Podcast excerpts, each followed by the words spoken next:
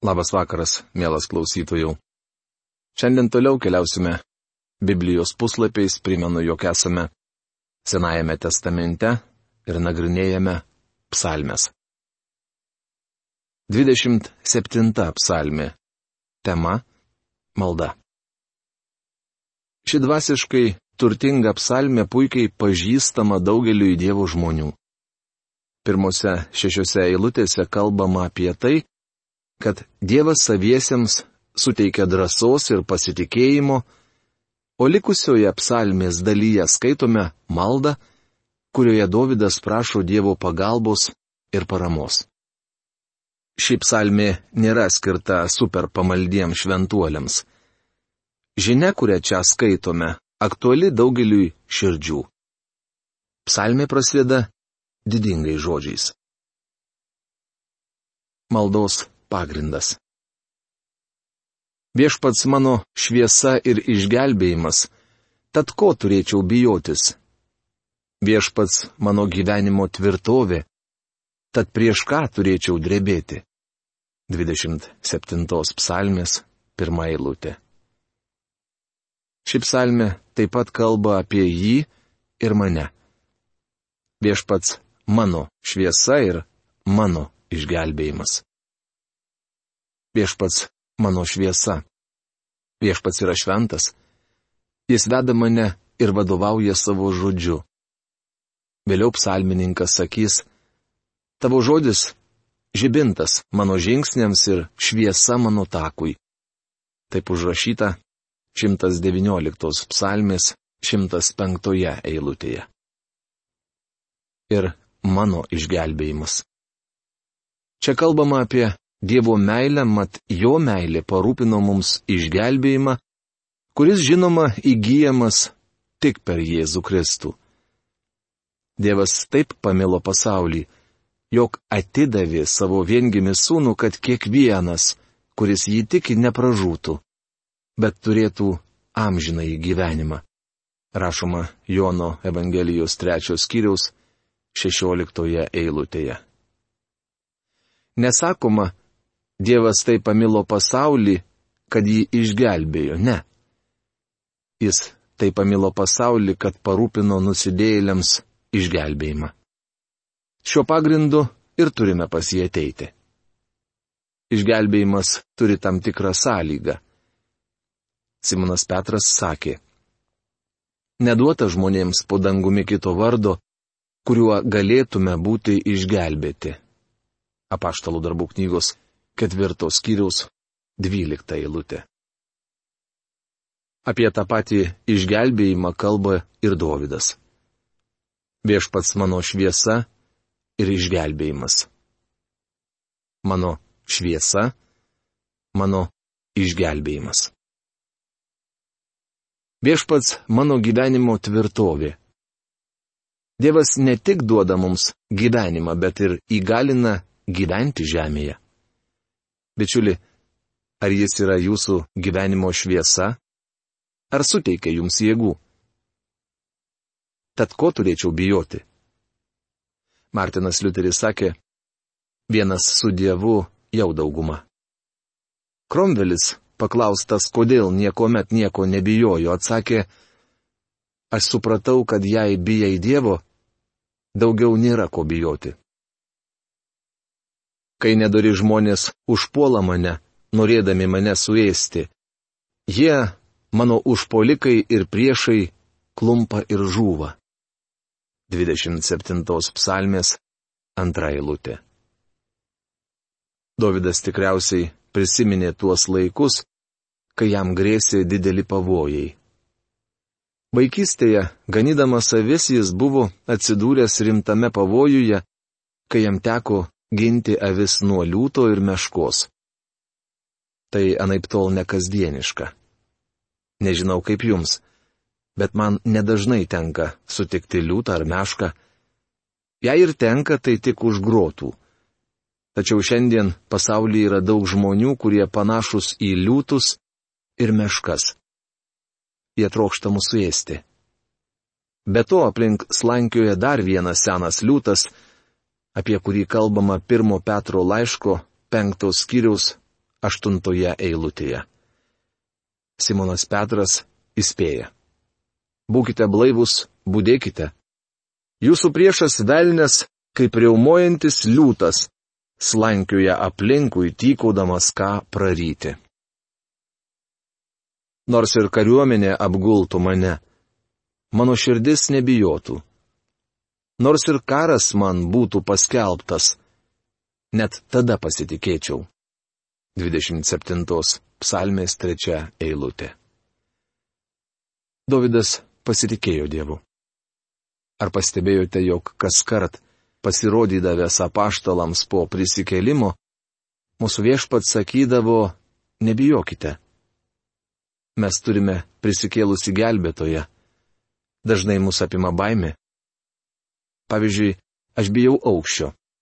Skrisdamas virš debesų tuo didžiuliu autobusu, sakau viešpačiui, tu su manimi, aš tavimi pasitikiu. Apmąstymai apie maldą. Vieno te prašau iš viešpaties, tik vieno te noriu. Gyventi viešpaties namuose per visas savo gyvenimo dienas, gerėtis viešpaties žavumu ir lankyti jo šventyklą. 27 psalmės 4 eilutė.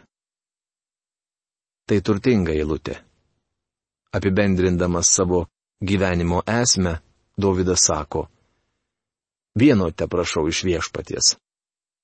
Panašiai kalbėjo ir apaštalas Paulius. Paminate, jis sakė. Tik viena tikra. Pamiršęs, kas už manęs aš veržiuosi pirmin į tikslą, siekiu laimikio aukštybėse, prie kurio Dievas kviečia Kristuje Jėzuje.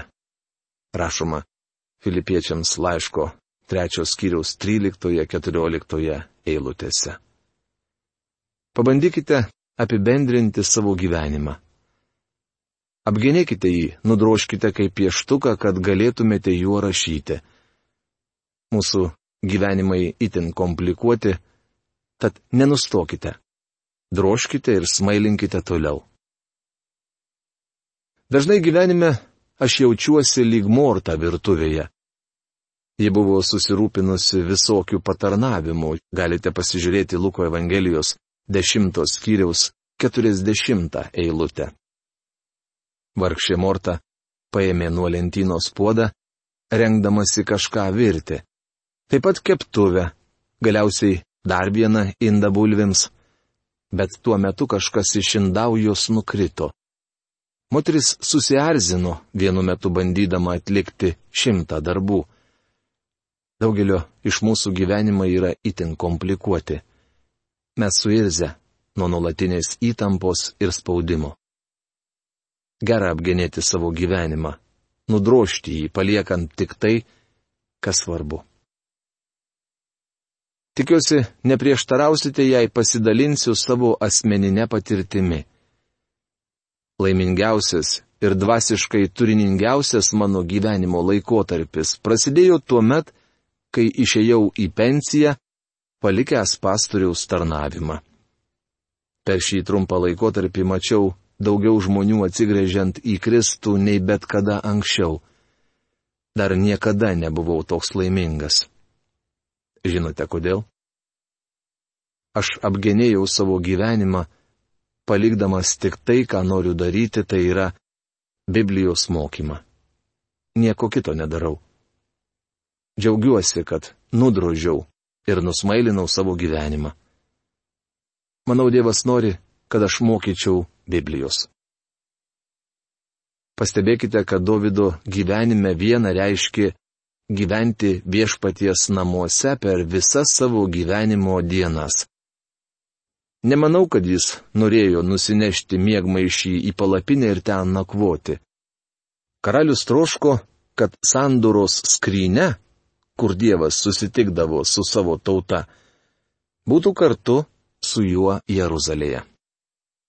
Davidas sukūrė ilgą kelią, kad atgabentų skrynę į Jeruzalę, pastatė jai palapinę ir nusprendė Dievui pastatyti ištaigingą šventyklą. Kodėl? Kad turėtų prieimą prie Dievo. Mes galime ateiti pas Dievą per Kristų ir turėtume tuo džiaugtis. Jis įgalins mus nudrošti savo gyvenimus, kad liktų vien tai, kas svarbiausia. Laiško romiečiams penktos kiriaus pirmoje penktoje eilutėse Paulius vardyja aštuonis privalumus, kuriuos turi nuteisintieji tikėjimu. Antrasis Pauliaus paminėtas privalumas yra prieimas prie Dievo. Per kurį tikėjimu esame gavę ir prieimą prie tos malonės, kurioje stovime ir giriamės Dievo šlovės viltimi. Kaip nuostabu turėti prieimą prie Dievo. Tai buvo vienintelis Davido gyvenimo tikslas. Vieno te prašau iš viešpaties Tik vieno ten noriu - gyventi viešpaties namuose per visas savo gyvenimo dienas, gerėtis viešpaties žavumu ir lankyti jo šventyklą.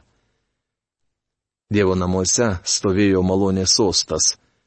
Dovydui reikėjo Dievo malonės ir gailestingumo. To reikia ir man. Esu tikras, kad jums taip pat. Dievo namuose stovėjo aukuras, kuris simbolizavo Kristaus kryžių. Tokiu būdu Davidas galėjo artintis prie Dievo. Šiandien mes galime ateiti pas Dievą per viešpatį Jėzų. Mums prieinama nuostabioji Dievo malonė. Kokia privilegija turėti prieimą prie Dievo. Nenuostabu, kad ši psalmė visuomet džiugino Dievo žmonės. Dabar paklausykite, kas sakoma penktoje eilutėje.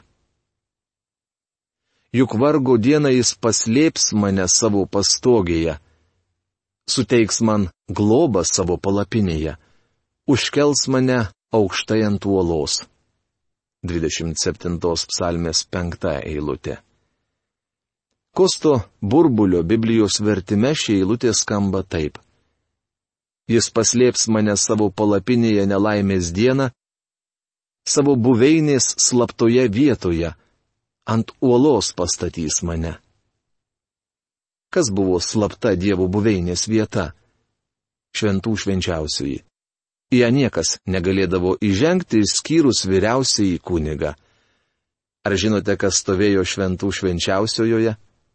Sanduros skryne, kuri viso labo te buvo auksų aptraukta dėžė, Tačiau šią skrynę dengė ištaigingas dangtis, kurį Dievas buvo padaręs malonės sostų, matant jo buvo šlakstomas kraujas. Šiandien dėl Kristaus pralieto kraujo mes turime malonės sostą ir galime prie jo artintis. Ten Dievas mus ir paslėpia. Tai pati saugiausia vieta tad keliu galvą prieš visus priešus aplink ir atnašauju aukas jo palapinėje su džiaugsmo šauksmais, gėdu giesmę, šlovindamas viešpatį. 27 psalmės 6 eilutė.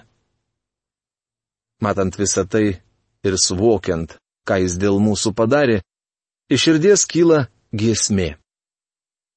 Davidas ima melstis. Malda. Išgirsk mano balsą viešpatie, kai šaukiuosi, būk man maloningas ir išklausyk mane. 27 psalmės 7 eilutė. Matote, toje slaptoje vietoje buvo apstu maloningumo. Dievas ir mums yra paruošęs slaptą vietą. Ten mes galime patirti jo malonę bei gailestingumą. Eik, sako man širdis, ieškok jo veido. Tavo veido viešpatė aš ieškau. 27 psalmės 8 eilutė. Kosto burbulio Biblijos vertime šie eilutė skamba taip. Kai tu pasakei, ieškokite mano veido, mano širdis tau atsakė, tavo veido viešpatė aš ieškosiu. Davidas paminė Dievo kvietimą. Kai Dievas palėpė, ieškokite mano veido, Davidas tarė, aš jau atsiliepiau. mano širdis tau atsakė, tavo veido viešpatie aš ieškosiu. Mano draugė, Dievas ilgisi jūsų. Ar jam atsakote tuo pačiu? Siaubinga gyventi su žmogumi, kuris nerodo jums meilės. Santuoka nėra susitarimas garantuojantis moteriai pragyvenimą, o vyrui skanius pietus. Santuoka tai meilės ryšys. Jei taip nėra, įtušia. Toks turėtų būti ir mūsų santykis su Dievu. Kai Dievas pasakė Dovydui, aš tave myliu, šio vyro širdis atsiliepė, o aš tave myliu. Kuomet Dievas tarė, aš noriu su tavimi bendrauti, Dovydas atsakė, o aš noriu bendrauti su tavimi. Neslėpk nuo mane savo veido, net stumk supykę savo tarno. Tu buvai mano pagalba, tad net mesk manęs, nepalik manęs Dieve mano gelbėtojau. 27 psalmės 9 eilutė. Nusidėjęs Davidas suprato, ką reiškia nematyti Dievo veido. Davidas prarado bendrystę su Dievu ir gyvenimo džiaugsmą, tačiau jis meldėsi, gražink man išgelbėjimo džiaugsmą. Tolimesnė eilutė dažnai suprantama klaidingai. Nors tėvas ir motina mane paliktų, viešpats mane priims. 27 psalmės 10 eilutė. Kritikai klaidingai supranta šią eilutę. Net Deličas mane, kad ją prirašė kažkas kitas. Tokia prielaida keliama dėl to, kad angliškoje karaliaus Jokūbo Biblijos versijoje ši eilutė skamba taip. Kai tėvas ir motina mane palieka, viešpats mane priims. Tuo tarpu tėvai nebuvo palikę Dovido. Tačiau Dovydas ir nenori to pasakyti. Jis sako, nors tėvas ir motina mane paliktų. Galbūt tėvai jūsų nepaliko, tačiau jei paliktų, viešpats jūs priglaus. Kažkoks gudročius yra pasakęs, jei tėvas ir motina mane paliktų, tai priglaustų skautai. Bijau, kad daugelis tėvų leidžia įvairioms organizacijoms, įskaitant ir bažnyčią, auginti jų vaikus. Net jei esate geros bažnyčios nariai, jūsų vaikai yra jūsų. Jūs privalote juos vesti prie viešpaties. Nesekmadieninės mokyklos mokytojas, ne pamokslininkas, bet jūs. Taip pat jūs privalote skirti jiems laiko ir dėmesio. Mokyk viešpatė mane savo kelio. Dėl mano budrių priešų vesk mane lygių taku. 27 psalmės 11 eilutė. Davidas sako, aš noriu būti gerų liudijimų priešui, nežinau, kad jis mane kritikuos. Noriu, kad prižiūrėtų mane viešpatė ir padėtų man nedaryti tau gėdos. Netiduok manęs priešininkų savivaliai, nes melagingi liudytojai sukilo prieš mane ir alsoja smurtu. 27 psalmės 12 eilutė. Aš užaugau gana liberalioje denominacijoje. Vėliau tokioje pat denominacijoje tarnavau pamokslininku. Visuomet meldžiausi, viešpatie, neleisk man atsidurti bažnyčios vadovų ar bažnyčios tarybos valioje. Aš aktyviai tarnavau pastoriumi maždaug nuo 1930 iki 1970 metų. Per tuos 40 metų Dievas mane saugojo, kad netapčiau priklausomas nuo žmonių. Štai ko šioje eilutėje meldžia Dovydas. Aš užjaučiu tuos krikščionis, kurie yra priklausomi nuo bažnyčios tarybos ar hierarchijos. Supraskite teisingai, kad kiekvienas iš mūsų turėtume priklausyti nuo viešpaties. Ir aš nieko blogo nenoriu pasakyti apie to žmonės, kurie rūpinasi bažnyčia. Norėčiau jos paraginti melstis, kaip meldėsi Dovydas. Netiduok manęs priešininkų savivaliai. Neleisk viešpatė jiems surišti man rankų. Esu tikras, kad viešpats išklausys tokią maldą. Atsakymas į maldą. Tikiu, kad patirsiu viešpaties gerumą gyvųjų šalyje. 27 psalmės 13 eilutė. Net šiandieninėme pasaulyje jūs galite patirti viešpaties gerumą. Pasitikėk viešpačiu ir būk stiprus, turėk drąsos ir pasitikėk viešpačiu. 27 psalmės 14 eilutė. Kosto burbulio Biblijos vertime šie eilutė skamba taip. Lauk viešpaties, būk drasus ir jis sutvirtins tavo širdį. Lauk aš sakau viešpaties. Šiandien daugelis tikinčiųjų turi bėdų su širdimi. Kokių? Jų širdis baili. Tiesą sakant, šis kompleksas daugiau ar mažiau kamuoja mus visus. Kaip jo atsikratyti? Lauk viešpaties. Būk drasus. Tuomet viešpats sutvirtins mūsų širdis, nes jis puikus širdies lygų specialistas. Mielas klausytojų, šiandien mes baigiame mūsų laidą. Iki malonaus susitikimo. Sudė.